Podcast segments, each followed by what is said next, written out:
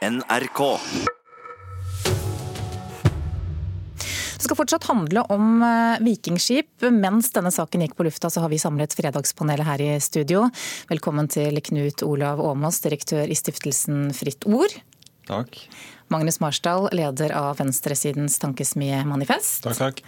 Og Mathilde Fasting, idéhistoriker og siviløkonom i den liberale tankesmien Civita. Ja, hei. Vi hørte altså innslaget eh, at eh, denne nyheten, den store nyheten denne uken er at det for første gang på over 100 år er funnet et nytt vikingskip. Det ligger på Gjellhaugen i Halden. Men nå er det altså sånn at arkeologene strides. Bør skipet graves opp, eller skal det bli liggende inntil videre? Den kjente arkeologen Knut Påske er ikke i tvil. Nei, Det ser jo ut som om vi ikke har midler til å ta vare på de tre som ligger her nå. Så, sånn jeg ser det, så ser det ikke ut som vi har råd til å grave ut ett til. Det er kostbart å grave ut et nytt skip, det er kostbart å konservere. Og visst må man tenke lenger enn det. Det skal jo stilles ut, og det skal tas vare på for evigheten. Spørsmålet til panelet er eh, hva sier dere, bør vi la det ligge? Ja. Eh, ja. Ja. Alle er eh, enige. Begynner med deg, Mathilde. Hvorfor skal det ligge?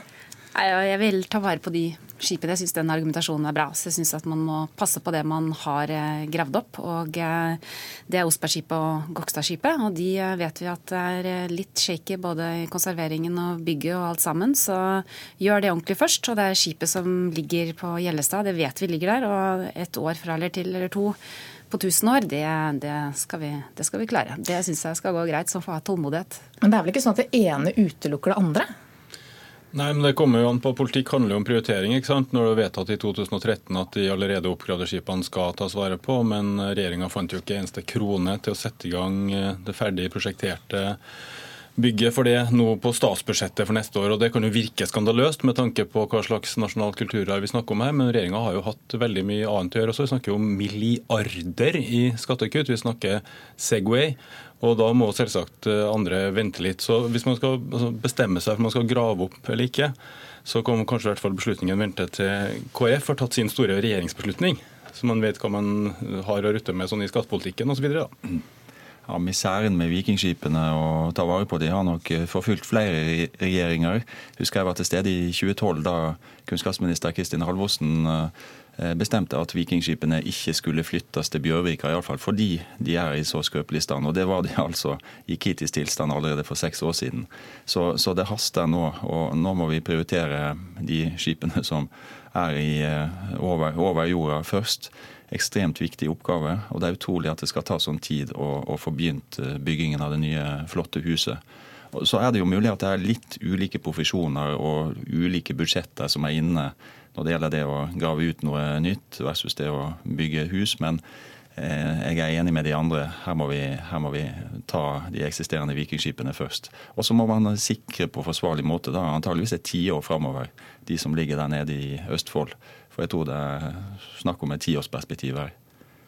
Så er det jo sånn at disse skipene, de, de, kanskje det blir sånn at siden det nå er funnet nye skip, og så ser vi den enorme interessen med alle de klikkene som var på sidene der, og nå kinesiske journalister og, og hva det skal være, så kan det jo være at den prioriteringssaken når det gjelder de skipene som eh, er opp, oppgravd allerede, at vi får en ny runde på det, og kanskje det rett og slett kan avstedkomme at prioriteringen for finansieringen og å ta vare på dem kommer raskere, nettopp fordi vi nå har sett hvor viktig de skipene er. Hvis ikke så står de jo på, de står på Bygdø, og jeg vet ikke hvor mange Oslo-borgere som drar ut på Bygdø for å se på vikingskipene. Jeg selv er født og oppvokst i Tønsberg med Osberghaugen rett ved siden av, og faktisk også halvparten av Osebergskipet, riktignok en kopi, da, rett ved siden av Hagen. Og den, eh, det, det var viktig, men eh, kanskje, jeg vet ikke. Jeg håper du får rett i din optimisme, men eh, den er veldig lyserød. Men, men er det ikke litt trist? Altså, her finner vi et vikingskip for første gang på over 100 år. Og så er det bare snakk om eh, hvor lite penger vi har brukt på de andre vikingskipene. Vi burde jo kanskje ha en nasjonal feiring, rett og slett. Ja, jo, jo, men det er jo straff som fortjent. Altså, vi snakker om helt unike eh, kulturhistoriske skatter som Norge har en helt spesiell historie i forhold til. ikke sant? Og det har vært private penger som har sørga for at det finnes et vikingskiphus eh, i dag for de eksisterende skipene. Der står Osberg skipet og smuldrer dag for dag. og Nå har det tatt fem år siden regjeringa vedtok i 2013 at det her skal skje, og da har man brukt tida på det man skal med å prosjektere og tenke ut om man holder på på universitetet osv. Og, så videre, og, og da er det regjeringa som skal ta neste steg, som er å bevilge midlene, sånn at staten til slutt tar et ansvar her. Da. Og Det er det vi snakker om nå. og Når staten aldri har gjort det, og det gjelder jo langt tilbake i tid, så er det ikke noe rart at vi får den diskusjonen. For det vil jo være meningsløst å grave opp noe for å sette det til å smuldre. Så det er noe der vi står, da. Men det er jo litt trist med tanke på den enorme veksten i antall milliardærer osv. Så det er et eller annet med prioriteringene i de store linjene som, som er litt trist, syns jeg. da. Mm. Og Det virker som læringsevnen vår er litt liten også. Jeg husker på stavkirkene. Det var en del kirkebranner for en 20 års tid siden. Også en eh, stavkirke brant. Så ble eh, sikringen av stavkirkene satt i stand. Men det måtte altså branner til. Det måtte skje noe grusomt. Og nå er altså disse skipene i ferd med å falle fra hverandre fordi de ble så tvilsomt konservert for 100 år siden. Med dette alunstoffet som får treet bare til å falle fra hverandre. Men Hvor viktige er disse vikingskipene da, for, eh, for selvbildet vårt her i Norge? Ja, De er viktige. Vi, har, altså, det er kanskje nå funnet tre av tusen sånne skip som har vært innpå her nå, som eksisterte en gang i tiden. og Det ligger kanskje flere under bakken også, men, men, det er helt klart at eh, symbolmessig og kulturmessig og det å ta vare på ting som, som er helt unikt eh, norsk, også når det gjelder sjøfartstradisjon og hvordan det er bygget og sånn, så er det klart at eh, det er vel nesten vanskelig å tenke seg, bortsett fra stavkirkene som du er inne på her, noe særlig mer veldig norsk enn det. Vi skal skifte tema nå. Terrorangrepene 22.07.2011 skal inn på de nye læreplanene som kommer denne uken. Det innebærer at eh, lærere altså har plikt til å undervise om hendelsen. En som har etterlyst dette, det er skuespiller Torbjørn Harr. Han var med i Nyhetsmorgen eh, her for noen dager siden, og han er også skuespiller i denne nye filmen om 22.07. som heter 22 July. Jeg har en sønn som går på ungdomsskolen. De lærer ikke om 22.07. på skolen. De snakker ikke om det. Det er så viktig å nå ut med denne historien til et ungt publikum. Ikke bare i Norge, men i hele verden. For den snakker om et problem som er økende og økende. Eh, terror, ikke minst eh, høyreekstremistisk terror. Ja, det sa altså Torbjørn Harr. Er det nødvendig med en ekstra forsikring om at barn får lære om 22.07 i skolen? Ja, tydeligvis. Nei. Jo, det er nok det. Da starter vi med deg, Mathilde, siden du var den som sa nei. ja.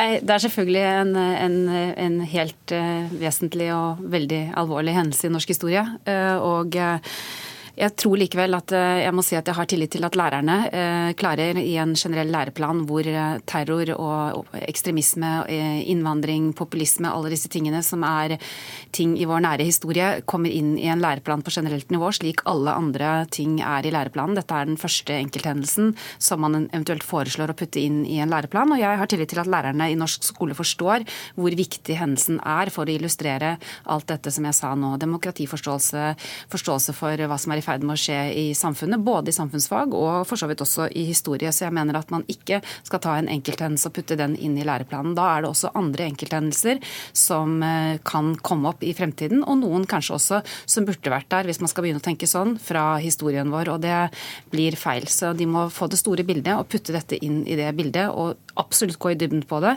men det må ikke stå i læreplanen. Hvilke andre enkelthendelser må vi da ta med, da, hvis vi skal ta inn 22.07 som egen, et eget punkt? Nei, ingen. Eh, men eh, jeg tenker jo at eh, Mathilde Fossing har helt rett i at det bryter med et formkrav til læreplanene sånn som de er nå, at der driver vi ikke med enkelthendelser.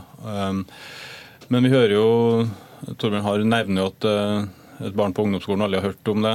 Og jeg tror at 22.07-terroraksjonen er veldig vanskelig å undervise om pga. at uh, unge mennesker er drept på en så bestialsk måte. Jeg kan tenke meg sjøl hvis jeg skal fortelle ungene mine om det i framtida. Uh, og at det kan være bra med et lite vennlig dytt bak her. Og så er det veldig spennende å se hva staten eventuelt skal mene da, om, om, det her. For det er jo selvsagt ikke så greit at staten skal sette opp en sånn enkelthendelse. Og da tenker jeg spesielt på det med om vi skal undervise, eh, sånn som vi har gjort om nazismen i 70 år, eh, om nazismen og mot nazismen. Fordi eh, du kan jo også undervise om det om, som at det er problematisk med ekstremisme som sådan.